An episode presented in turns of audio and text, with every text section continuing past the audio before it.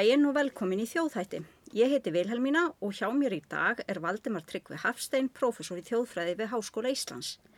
Valdimar er afkastamikill fræðimaður og að góðu kunnur fyrir rannsóknir sínar hér heima og erlendis, meðal annars á sviði menningarafsfræða en rannsóknir hans lúta einnig að kvestarsmenningu og efnismenningu. Valdimar er hinga komin til að ræða um eitthvað sem við þekkjum öll, nefnilega sund, sundlegar og sundlegar menningu. Velkomin Valdimar. Þakka ég fyrir mína. Tilefni þessa viðtals er áhugaverð síning sem núna stendur yfir í Hönnunasafni Íslands í Garðabæ á einmitt sundlegum og sundlega menningu. E, í síningu eins og þessari þá er ekki kasta til höndunum og heldur á hún sér langan aðdraganda og þarna liggja baki heilmikla rannsóknir meðal annars þjóðfræðinga.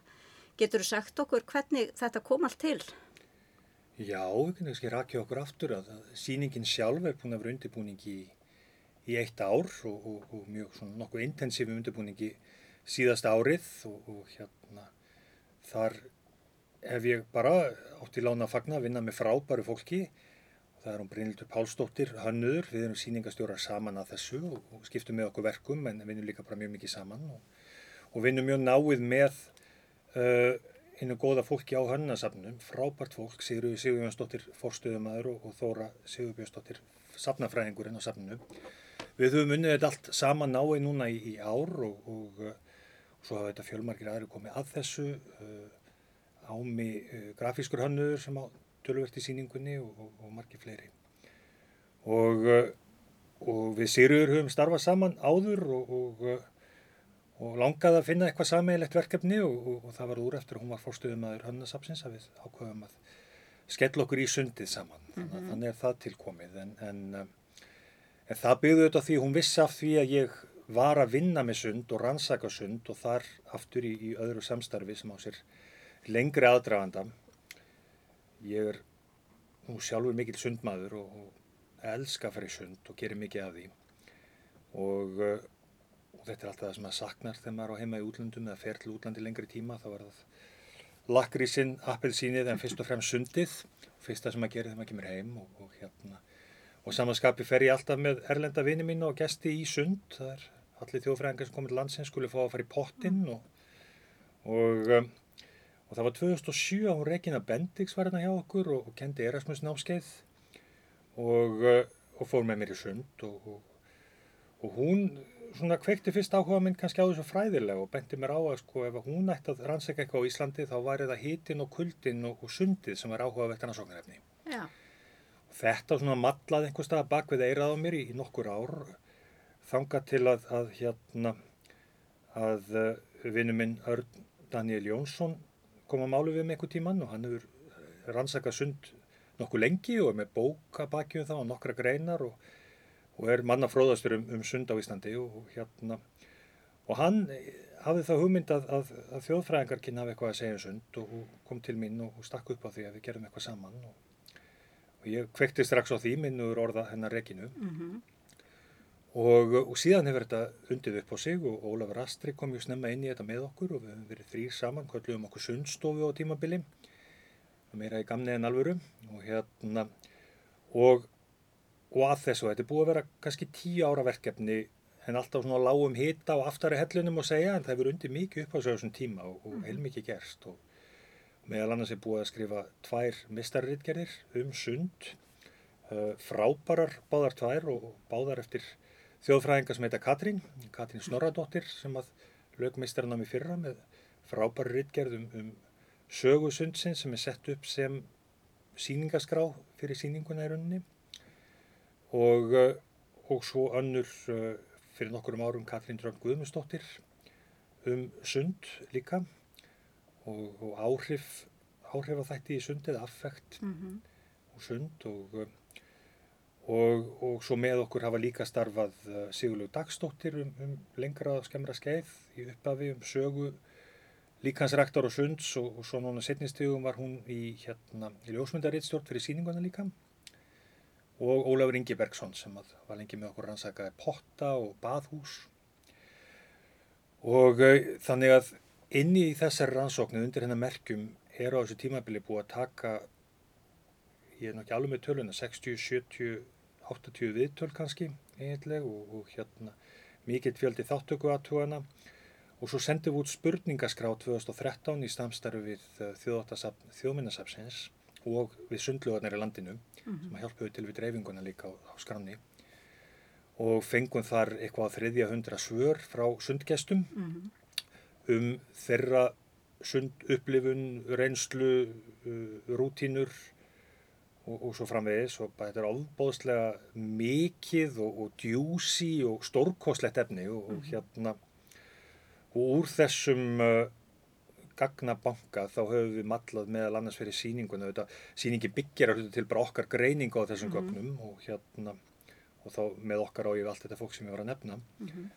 og uh, en, en, en líka á uh, á greiningu, líka á bara beinleinis uh, leiklestri á, á, uh, á beinu tilveiknunum úr viðtölunum og þá aðalega úr svörunum við, við spurningaskránu sem við sendum út sem að erum bara marga hverja stórkoslegar og, og, mikið í og, og það er enn einn þjóðfræðingur sem er komið að því að Egil Viðarsson sem rekur hljóðbókastúdíó og sem að leikstýrði og tók þessa hljóðleisagnur upp sem eru á síningunni og og einn þeirra er í hérna, hljóðsturtu sem skrúar frá og fær að heyra fólk segja, eða leikarassans, eða leikleisa, mm. segja frá upplifun af, af nekt og hreinlæti í sundi og, og svo eru tveir heitir pottar, svona konceptuál heitir pottar, smíðaði bekkir inn á síningunni þar sem eru heyrnatól með öðrum hljóðleisögnum um, um sundur rútínur og reglur í sundi og um heitapottinn og hvað er svo fjóða?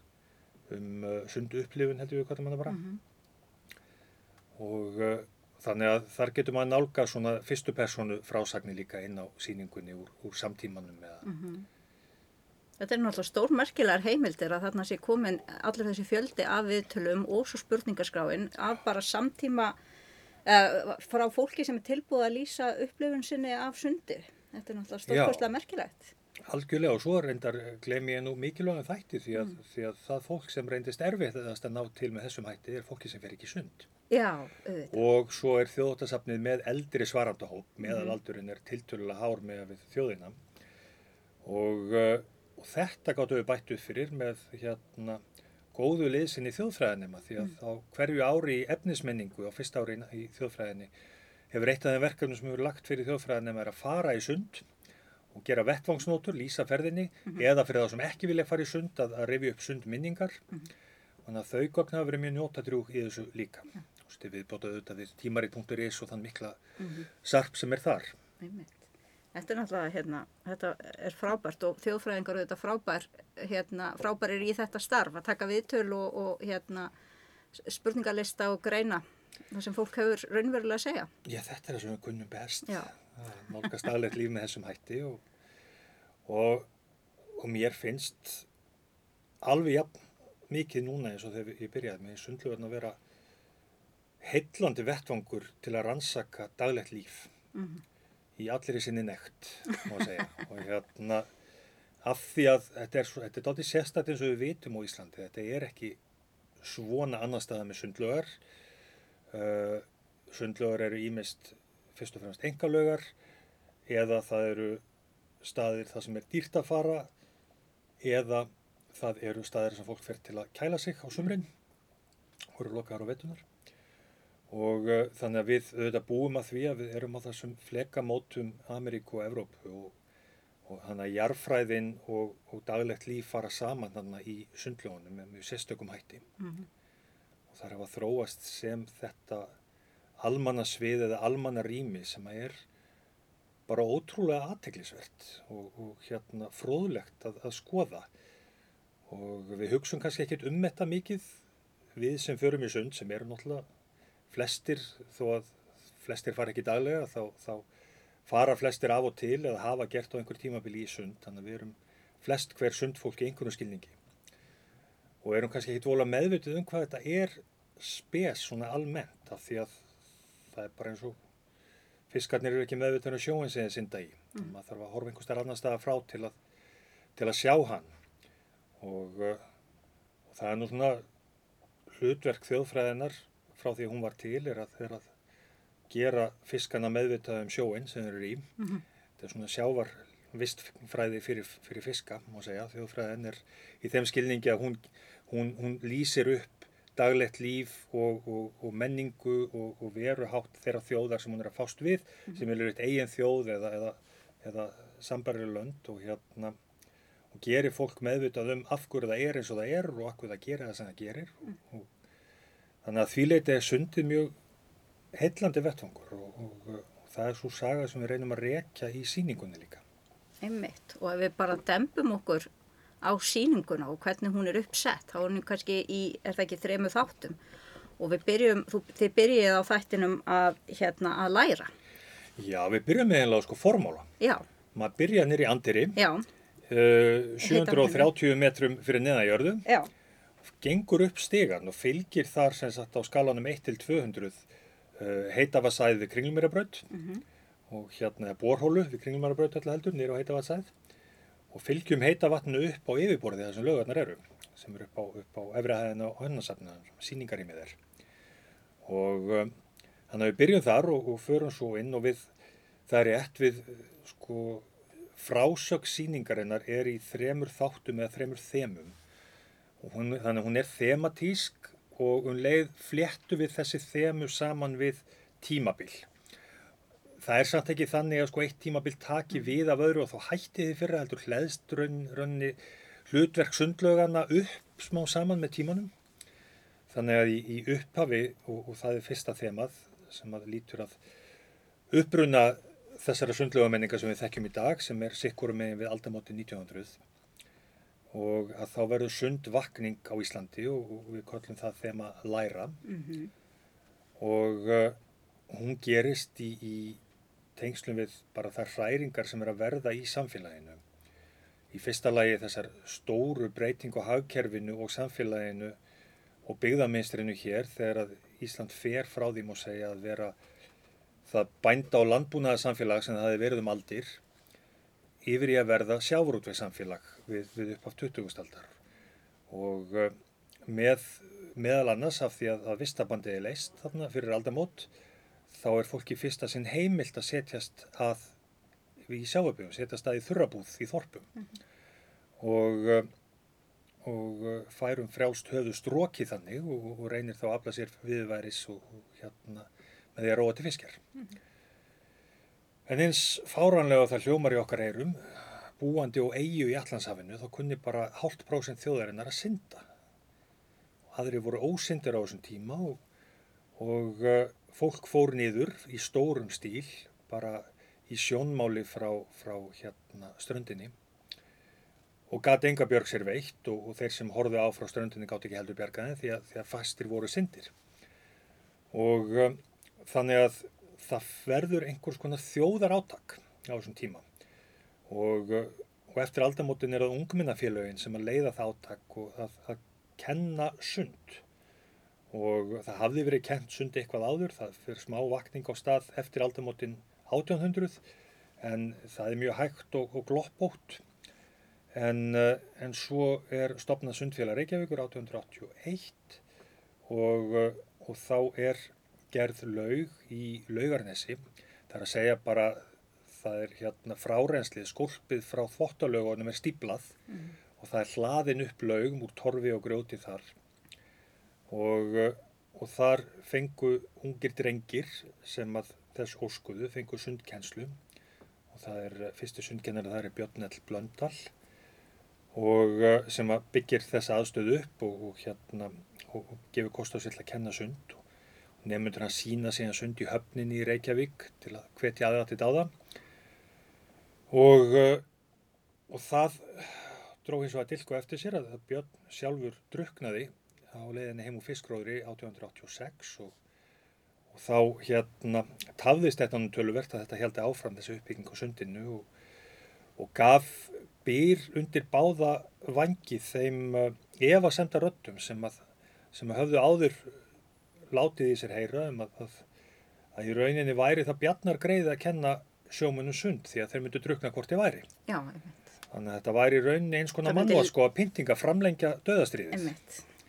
og uh, en, uh, en svo verður það nú ofan á að, að hérna að, að það er haldið áfram að kenna sund og það eru byggður upp laugar mjög víða um landið flestar svona torfhlaðnar, grjótlaugar einhver staðar nálagt heitir uppsprettu en oft líka bara í köldu vatni mm. Þegar ekki verið öðru til að dreifa. Og uh, þetta eru svona drullu pittir, menn eru miklu óhreitni þeir eru komið upp úr heldur en þeir fóru ofan í. Mm -hmm. mórauður og lit.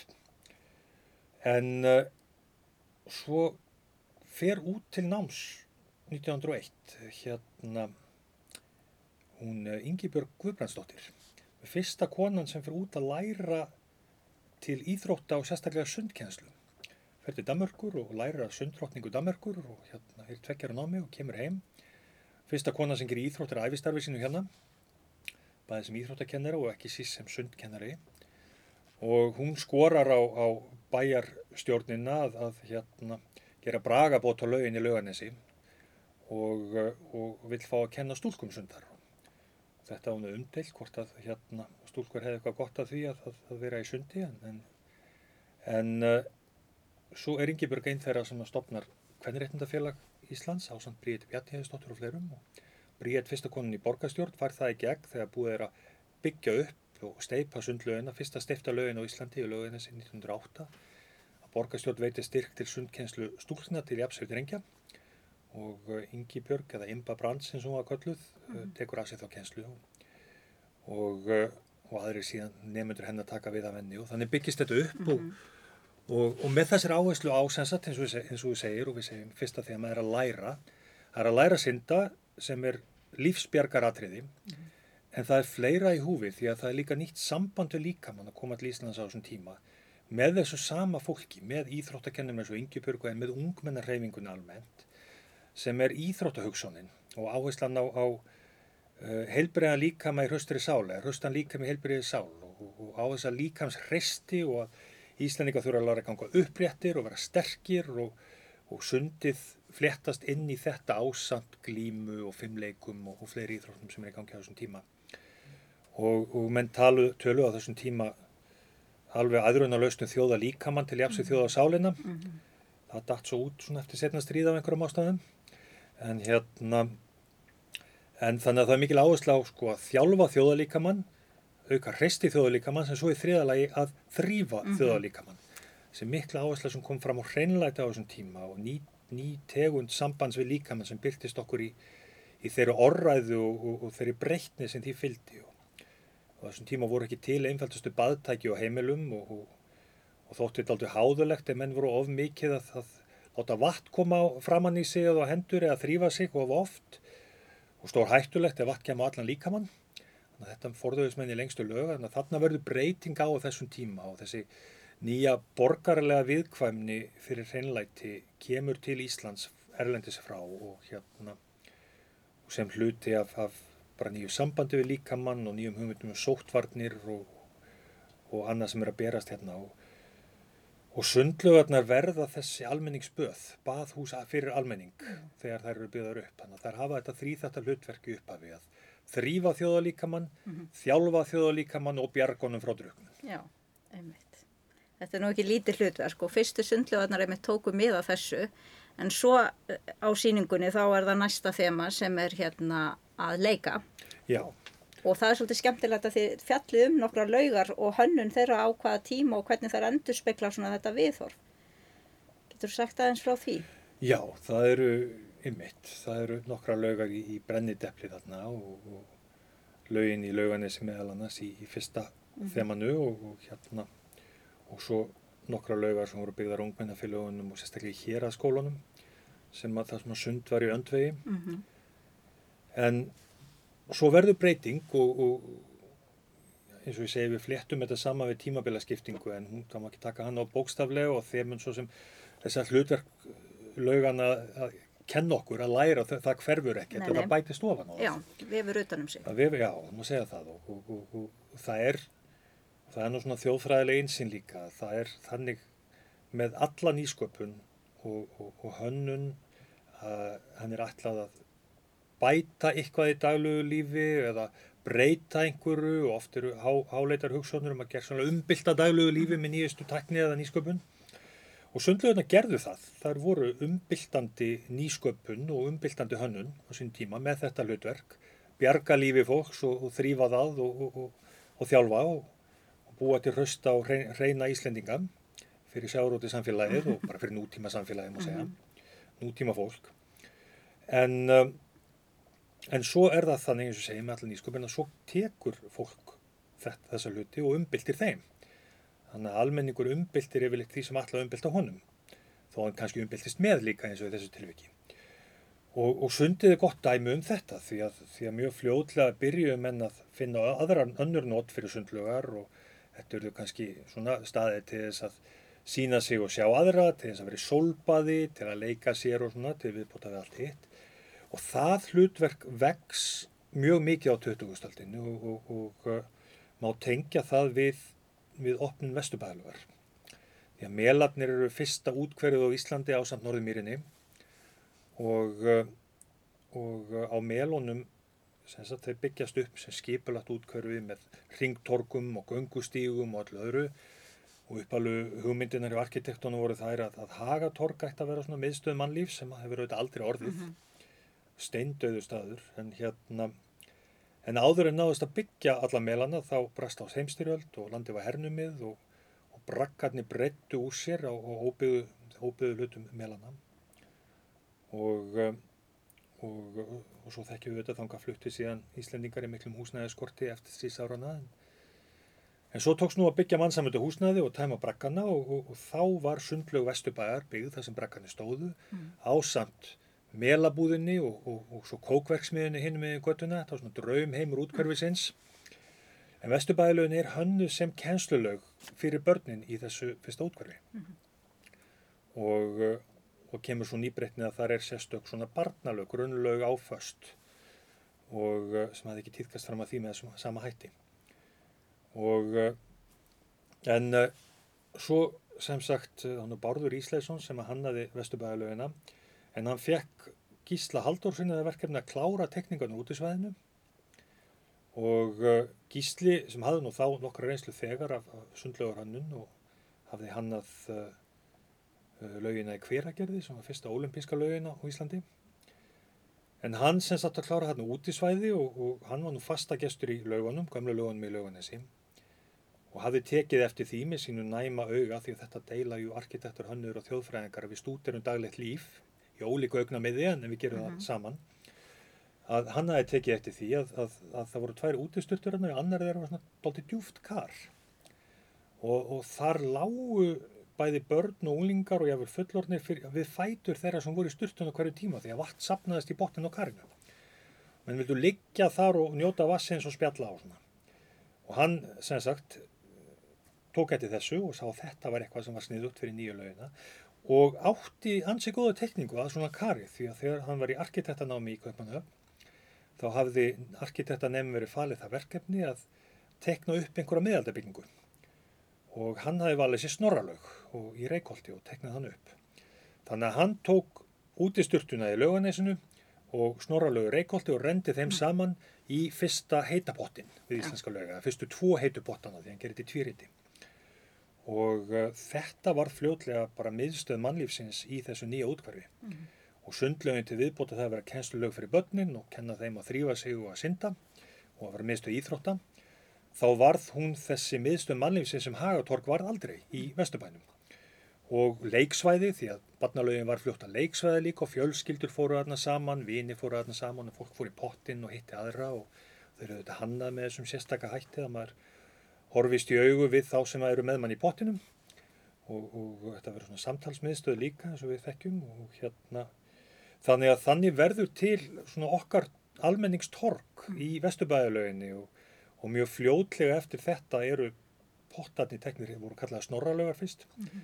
það voru byggða snorralögar við allar lögar sem til voru landinu fyrir þegar maður bætt við einhver staðar og allar lögar sem opnuð eftir þetta voru byggðar í kringum þær lögadalslögin núverðandi opnuð 1968 nokkrum áru setna og það voru bara tekningarnar kóperaðar yfir og bara í fjórriti í snæfröðu tvíriti og hérna þannig að um, þannig að pottunum var þessi mikla miðja. Þannig þróast þetta áfram er þetta staður til að læra en nú verður þetta ekki síðu staður til að leika og þess að samfélagslega hlutverk verður mjög mikilvægt og miðlagt í lögunum. Mm -hmm. Og pottasamfélagi, það er nú hérna alþægt, við þekkjum öll spjalli í pottunum Já, og ég, hópana. Einmitt, það er alþægt og þetta stundum alrænt mm -hmm. og það er nú eitt af þeir sem hefur komið fram mjög skýrt bæði í viðtölum og, og þáttökuatugum og ekki síst í, í gögnum frá heimildamönnum þjóðasapsins að, að þetta er líka mjög kynjað rými og, og meðan að, að hérna og það svörin frá konum eru bara tölvöld mikið ólík með potta Mhm. með að við karla Mhm. Og uh, sumar bara mjög þólumóðu með þess að kalla sem að sem að láta dæluna ganga þarna en, en aðra bara alls ekki og forðast heitu pottana einmitt út af því. Mhm. þannig að þetta er, það er mjög áhugavert að sjá það líka sko, og notkunnin er ólík. Mhm. að uh, það, er, það er svona alþekkt hákmál í pottum hérna maður lignar aftur augun og hallar höfðuna aftur þá er maður ekki til viðtals. Og þessu lýsa konur gætnan að þær geri í pottinum til að forða spjallið Einmitt, þetta, eins og þú segir, sko, sundlega verða einhvers konar svona samfélagsvettvangur, eru samfélag og eru vettvangur samfélags okkar. Og það verða til ímsa reglur, skráðar og óskráðar. Og við erum auðvitað þarna mjög létt klætt og hérna uh, líkamar af öllum stærðum og gerðum, að hérna, þetta er svona, þetta er mjög sérstakur vettvangur kannski. Já, þetta er það, því að það er, það er ekki víða sem almannarímin eru svona léttklætt, þeim maður hugsa kannski til baðstrandana og söðrætnu slóðum, en það eru samt fyrst og næst túristastæðir mjög víða. Uh, hérna, en ekki, ekki almannarímin með sama hætti eins og sundlöðurnar hérna. Mm Og uh, þannig að þetta er, þetta er sérstakur staður, það er, ég, ég segi það gætna, það er ekki viðskiptafinir í sundlöðunum á Íslandi.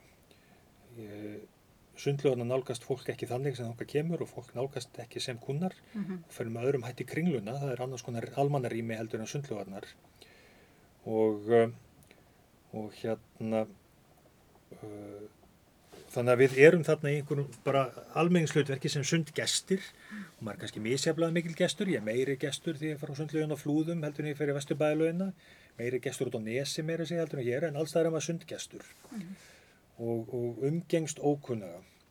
Og, og það er nú eitt af því sem að gera samfélag að, og það, hérna, umgengst fólk og þar umgangast ókunnugir og einhver lísti borg þannig Richard Sennett að borg er staður þar sem ókunnugir hittast. Og það auðvitað ekki bara við borgir en það auðvitað sérstakt við borgina og ókunnugir hittast mjög mikið þar.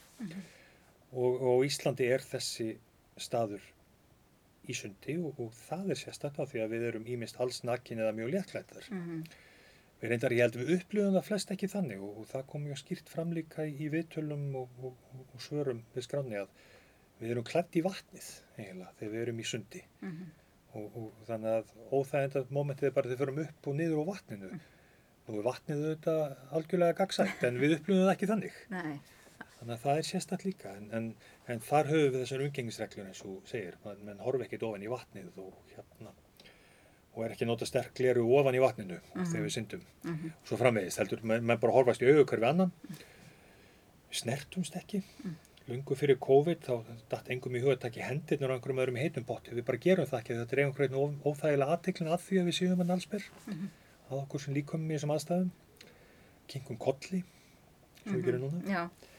Og, og hérna hvort það er yfir, yfir, yfir laugabakkan eða, eða hérna ofan í pottinum. Mm eða bjóðum góðan dag inn í pottinum sem við gera það. Já, þannig að það eru ýmsa reglur um þetta já. já, það eru ólíki hluti sem eru viðengandi á ólíkum stöðum Mhm. hérna, spjöllum gjarnan í pottinum en ekki á sundbrautinni miklu síður í sturtunum Mhm. Svona heilsast í mestalagi þar en taka svo ekki tal saman fyrir þau koma út þannig að þetta er, þetta er sérstak rýma mörguleiti já. En svo eru nú, hérna, ég hjó eftir því á síningunum og ansið skemmtilegt að suma reglur eru skráðar og hanga upp á skiltum og meðal annars, hérna, bannað að hanga á línunni. Og, og þeir las þetta skilti að þetta bara svona kemur bergmál úr æskuminni. Akkurat, við blésum það upp og það var margir sko rennum mörgum kallt vatn millir skins og hörens er að sjá þetta stórum stöðum að ekki hanga á línunni! Emmitt. og jú, jú, svo er það, ég menn, það er mikil grafísk hönnun í sundlögum, þessi ymsu skilti sem segja okkur hvað má og hvað má ekki Já. og allræntu auðvitað þvottaskiltið Mm mikla sem er mjög sérstakt fyrir íslenskar sundlögar, maður sér ekki annar staðar og útlendingum bregðu við að sjá þessi mikla áherslu á við þrýfum okkur og, og sem er bara arleifð að uppröðunulegu hlutverki sundlögana. Ég meina vissulega hefur þetta eitthvað að gera með klórstíið og en þetta er bara að gera með það að við erum alveg uppið þetta margar kynsluði núna, við þurfum að vera tandur hrein, þetta eru böðin, við förum þarna að þrýfa okkur og við og okkur hefur lærst að hafa viðbjóð á því þegar fólk fer óhreint í laugina, fer þurft í laugina.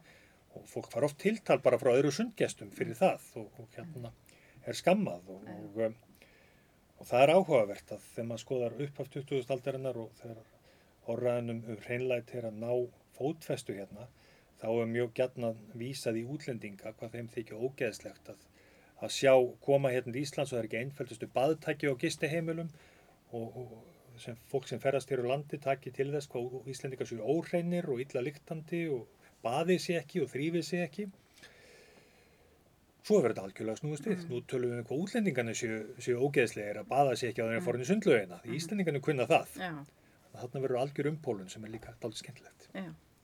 En svo ef við höldum með þetta áfram í þriðja þema síningarinnar og hvernig þessi svona sund og baðmenning hefur auki, að undið upp á sig, hefur orðum á þannig að þá er það þessi, þessi nýja áhersla með hvað að njóta, sundið og vatnið, heita vatnið þetta sé til að njóta. Já, það er áherslægt, það er náttúrulega þráður sem er þarna einhver mm -hmm. leiti frá upphafi en verður alltaf hávarar og fyrirferða meiri eftir því sem á líður og orðin mjög svo núna og hérna og hann Örn Daniel Sannstæðismæður minn hefur líst þessu sem hreyfingu frá svona spartanskri nálgun á sundið og, og líkamann yfir svona hedoníska nálgun með nautnina í fyrirrumi og Og það er það sem við sjáum að, að nautnin er alltaf að verða fyrirfæra með þessi áherslu á að njóta sína þessi líkamlegu unaður mm -hmm. af heita vatninu og, uh, og uh, það verður þarna ákveðið samtal á milli almenningslaugana og svo hinn að nýju baðlóna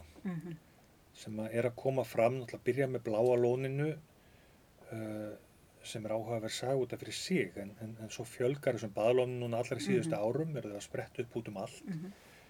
með mjög svipar áherslu og allt er þetta í grunninn sama fyrirbæri og sundlugarnar þar að segja þetta eru tilbúnar uh, tilbúin kör eða tilbúnar laugar sem heitu vatni er veitt í mm -hmm. í flestum tilvikum og bláa lónið er sannlega þannig það er alltaf bara affallsvatt frá, frá varmaskipta verksmiðju mm. Uh, fyrir Grindavíka því að það er of mikill kísill í vatninu í, sem kemur upp úr hérna Íllahraunni uh, svartsengi til þess að hægt sé að, að nota það beint í, í, á opnana hjá grindvikingum þannig að það þarf að varma skipti þannig að kalda vatni er hitað upp með heita vatninu og svo fær heita vatni bara rennandi í hraunni og þannig byggist upp bláa lóni sem bara verksmiðu affall. Mm -hmm en nú er búið að flytja og, og hlaða svona hérna rauni í kring svo maður sjá ekki lengur verksmiðuna þegar maður baða sig en í grunninn er þetta allt svona tilbúið manngerðar laugar með mhm. vatni og, en, en með mjög ólíkum áherslum þannig að áherslan í, í hennu nýju baðlunum er öll á sko hönnunina og upplifunina og nöytnina maður fer þá kannski að njóta sín og það er kannski bóðið upp á nutt og eitthvað fleira mm. það líka og, en fyrst og fennast að njóta eiginlega vassins og, og líkamanns í vatninum og, eh, og þetta hefur svo verið að skila sér tilbaka þetta sækir auðvitað heilmikið í sundmenningun það mhm. byggir á mörgum þráðum úr sundlöga menningu landsins en byggir ofan á þeim og, og eru auðvitað allt annars konar rými þetta er rými fyrir viðskiptavinni þannig er markaðsetning á þessum baðlónum til vantanleira viðskiptavinna mm -hmm. sem eru auðvitað stórun hluta erleiti ferðamenn og, og verðlagningin allt önnur auðvitað og hérna þetta er ekki almannarými neinum skilningi, allavega ekki mm -hmm. sama skilningi sem sundlögarnar mm -hmm. og eh, en, en með þess áherslu á upplifun og nöytt sem að skila sér svo aftur yfir laugarnar, þannig að nú sjáum við þegar endurbæturnar voru gerðar á Vesturbælaug opnað aftur 2016 með þessum nýju stóru pottum þá er það allt annars konar pottar mm. þetta er ekki þess að snorralaugar sem að fólk setur saman mm. þetta er þetta rými sem býður ekki upp á samtal heldur mm. þú tala kannski fólk sem komst með mm. eða þú ert einn og, og hérna nuttstútótnir hafa dreft úr sig út um allt og þú getur nutta hvaða líkanspart sem er og, og þú getur leið og setið og þetta er þessi áhersla á nautnina mm. sem mhm. er svona, þetta er eitthvað, eitthvað svona samtal á milli baðlónun og laugana sem við erum að sjá mm. og, og svo er þetta nýja vörur að koma fram líka sem er svona tengjast og það er hérna stórkoslega flott þetta sem var í upphafi útskriftaverkefni úr, úr listaháskólanum Já frábært aðeins hvernig þau geta undið upp á sig að nú er þetta að fara í flott hvar sem er á höfuborgarsvæðin og einhverjum tíma dagsins alla mhm, daga mm -hmm. og uh, þetta er eitthvað fyrirbæri sem enginn hefði skilið fyrir tíu ára síðan en það er orðið útbreytt þetta er samflott þannig að mm -hmm. þetta samfélagslutverk heldur sér mm -hmm. en í einhverjum svona annari sko einhverju umbreyttir mynd mhm. og uh, en með þessari nöytt innbyggða líka þar, hugleðslu og, uh, og svo er, er þetta aldrei merkilegt við fórum að skoða fyrir síninguna hvað væri til af eða hvað væri framleitt af sundbólum á Íslandi. Já, einmitt. Af því að fyrir tíu ára síðan það var bara ekki framleitt, Mhm. voru ekki framleittu sundbólur á Mhm. Íslandi. En það hefur á allra síðast árum hafa sprottið upp nokkur, nokkur hönnuðir sem hafa gefið að segja þessu og nokkur fyrirtæki farin að Mhm. framlega sundbóli. Og það kannski er markaðurinn tengist þar líka ferðamönnum því að hérna það er einhvern veginn þannig, ég veit ekki með því en ég á bara eina sundskilu Já, ég, þetta, þetta var einmitt á síningunni og, Já. og ég tengdi svo stert við þetta Já. en ég hefði ekki fattað þetta sjálf fyrir að því mér er sagt Akkurat. þetta. Eitthvað eigum- sem gjörsanlega sjálfsagt. Já. Nákvæmlega, við hefum margar blúsur eða Já. skirtur og, og alla flíkur eigum við í fjölreiti Mhm. nema sundflíkin okkur, hún er bara alltaf bara eina og þegar hún byrjar að gegsa, ég þá Já. lá svo okkur við hana, ekki satt. En þetta er aðeins að breyta, Já. skils mér, nú eiga mestu pæðuna nokkra sundbóli. Einmitt, já, ég skal trúa því. Líka þegar komið svona flott íslensk hönnun Já. til að velja úr. Það hjálpar örgulega til. Já. En hérna nú ert þú prófessor og fræðimaður og, og eh, svona kannski vanalega fyrir þig og, og þína kollega að miðla þínum rannsóknum í, í fræðiritum og, og greinum. Og, en þannig ert að miðla þessari heilmiklu rannsókn á síningu. Getur þú sagt okkur aðeins svona hvernig það er að miðla á síningu? Frelsið við það kannski?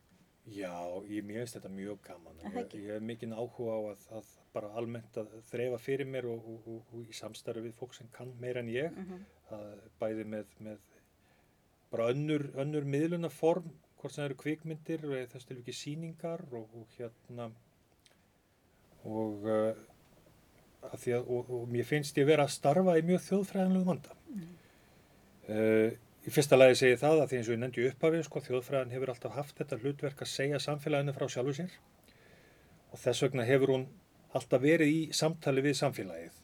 Og þá þýðir ekki að skrifa bara bara greinar í, í sko erlendir eitrend fræðir þetta á þess að gera lítið úr því. Það er líka mikilvægt að taka þátt í alþjóðleri þekkingasköpun. En, en mér finnst líka mikilvægt að, að eiga þetta samtal við bara aðra þekna þessa samfélags að því að nú hef ég þetta forreinda hlutverk að vera í að rannsaka samfélagið og mér finnst mikilvægt að miðla því tilbaka og þannig hefur þjóðfræðin alltaf virkað og fyrir á 20. stöldinni voru áttu þjóðfræðingar margar metsölu, margar metsölu bækur Íslands, hvort sem það voru þjóðsagnarsöfnin eða íslenski þjóðhættir eða þjóðlegu frólegsritin sem að seldust í bílförmum hérna. En byggðasöfnin og minjasöfnin eru líka byggð upp af þjóðfræðingum eða með þjóðfræðingum og í samtali við þjóðfræði. Og er, þannig að síningar eru mjög hefðbundi miðluna form fyrir þjóðfræðilega þekkingu á, á samfélaginu líka. Þannig að ég er ekkert að, að, að hérna að riðja neinar eða fara neina ótróðna slóður í því en nefnum bara hvað sjálf á mig var það en, en stórkostlegt eins og að fá að gera það með svona færum hönnuðum og fólki sem að kann mikið betur heldur en ég nokkuð tíman að miðla með þessum hætti Og ég get staðfest það að þetta er mjög skemmtilega og áhugaverð síning og við hvetjum hlustendur. Er það ekki eindreiði til að kíkja síninguna sem er opinn í hönnunasafni Íslands í Garðabæ fram í september, er það ekki? fram í, jú, t- fram til 25. september ef ég mann Já. rétt og opnaði sem sagt 1. februar en uh, út af dollu þá. Já. hefur ekki verið hérna formlega opnun fyrir nú verður einmitt núna á lögadaginn og, og allir velkomni hvena sem er, komið Já. fagnandi Einmitt. En mér langar hérna að lókum að því að við vorum aðeins farin að horfa hérna út fyrir landsteinana að þá hérna hefur nú verið, hérna hefur því verið kasta fram hvort að sundlugarnar og sundluga menningin sé okkar menningararfur, eða okkar menningararleið og maður sér ákveðna hliðstæðu við Finnland og þeirra sánamenningu sem árið 2020 var tekin inn á lista UNESCO um óáþreifanlegan menningararf og það er hérna maður er jú vissulega bæði léttklættur í sundi og í sánu og hérna þetta eru almanarými og hérna einhvers konar svona samfélagsleg fyrirbæri. Sérðu einhver, ein, einhver að fleti á því að, sundluðarna séu okkar menningararfur jafnvel óaþreifanlegu menningararfur? Já, ég myndi klárlega að segja það að sundið Já, sé sundið. okkar óaþrefnili, við þetta að fara í sund þó við, þó við syndum ekkert sko og sund er klárlega ef við, ef við skoðum þetta út frá því sjónarorni þá, Mhm. þá held ég að það sé bara ekki til betra dæmi á Íslandi um óaþrefligan menningararf sem að er bara hérna íðandi kös af, af mannlífi og, og, og hérna það þarf enginn að óttast um framtíð þessa menningararfs Mm sem er kostur, það þarf ekkert að bjargunum. En það er eins og er mjög áhugavert að auka meðvöndunum og, og, Og ef, eitthvert, ef Ísland hefur eitthvað framlag til, til heimsmenningarinnar, annað en bókmyndirnar frá miðöldum og bókmyndir samtímans kannski, uh, eitthvað, eitthvað almennt framlag sem að sprettur upp úr íslensku mannlífi þá væri það sundluðunar og sundið. Já. Og sannarlega eitthvað sem verið þess verðt að það gera háttundir höfðu með þeim hætti og ekki aðtekla á. Já, og þetta líka sko, þetta er svo óstjættarskipt. Þannig er fólk af öllum stjættum, starðum og gerðum í almannarími eins og það kemur á kunni. Já, það er mjög áhugavert að sundluðunar gegna mjög mikilvægu hlutverki fyrir samhælni samfélagsins held ég. Eins og þú segir, þarna er fólk eins og það kom í heiminn og eins og það fer úr honum, uh, sitja þarna saman og sjóða í potti, bakarar, smiðir, profesorar, verkamenn, hvað, hvað fólk er sko uh, og, og það er, ber þess engin merki og það er engin að hugsa sérstaklega um veraldagengin áhungans í þessu rými. Mm. Öll, öll ytri merki þjóðfélagsstöðu að vera skilin eftir í búniskleifanum og kannski bílastæðinu. Mm. Þannig að þetta er, er að því leiti svona bara ídeal almannarími eins og, eins og kannski Habermas vildi helst sjá það. Það sem að, það sem að samtalið er alveg laust við, við þetta. Svona eins og það getur orðið kannski í mannlegu samfélagi. Mm. En það er líka sko, við höfum samabörð af því að það var ekki bara á Íslandi sem það var sundvakning og það sem almenning, sundluga gengtu hlutverki almenningsbað á fyrir 20. Það byggðist upp víða um, um, um Evrópu og, og, og í bandaríkjónum sundlugar á þessum tíma. Það var ekki þessi breytingi verið sjáarúti samfélagið allstaðar en það var þessi áherslu á þrif og helsu íþróttir. Og í bandaríkjónum til að mynda á austuströndinu og nýri söðuríkjónum bygg, var byggt upp mikið af almenningssundlögum, úti almenningssundlögum á fyrir 20. aldar og, og við sjáum kannski mikilvægi sundlögun á Íslandi í samhælni samfélagsins ef við speklum það í þessum sundlögum því að þær á síðarlegu 20. alltaf lokuðu þessar laugar mm. og lauga, sundlögar urðu enga fyrir bara, enga laugar byggðust upp í görðum og, annar staðar í bandaríkjunum um, og og kveikjan eða, eða það sem hratt þeirri þróun á staðið að snýrinni við hvernig orðum þetta var uh, lög gegn aðskilnaði kynþáttana í bandaríkjunum. Mm.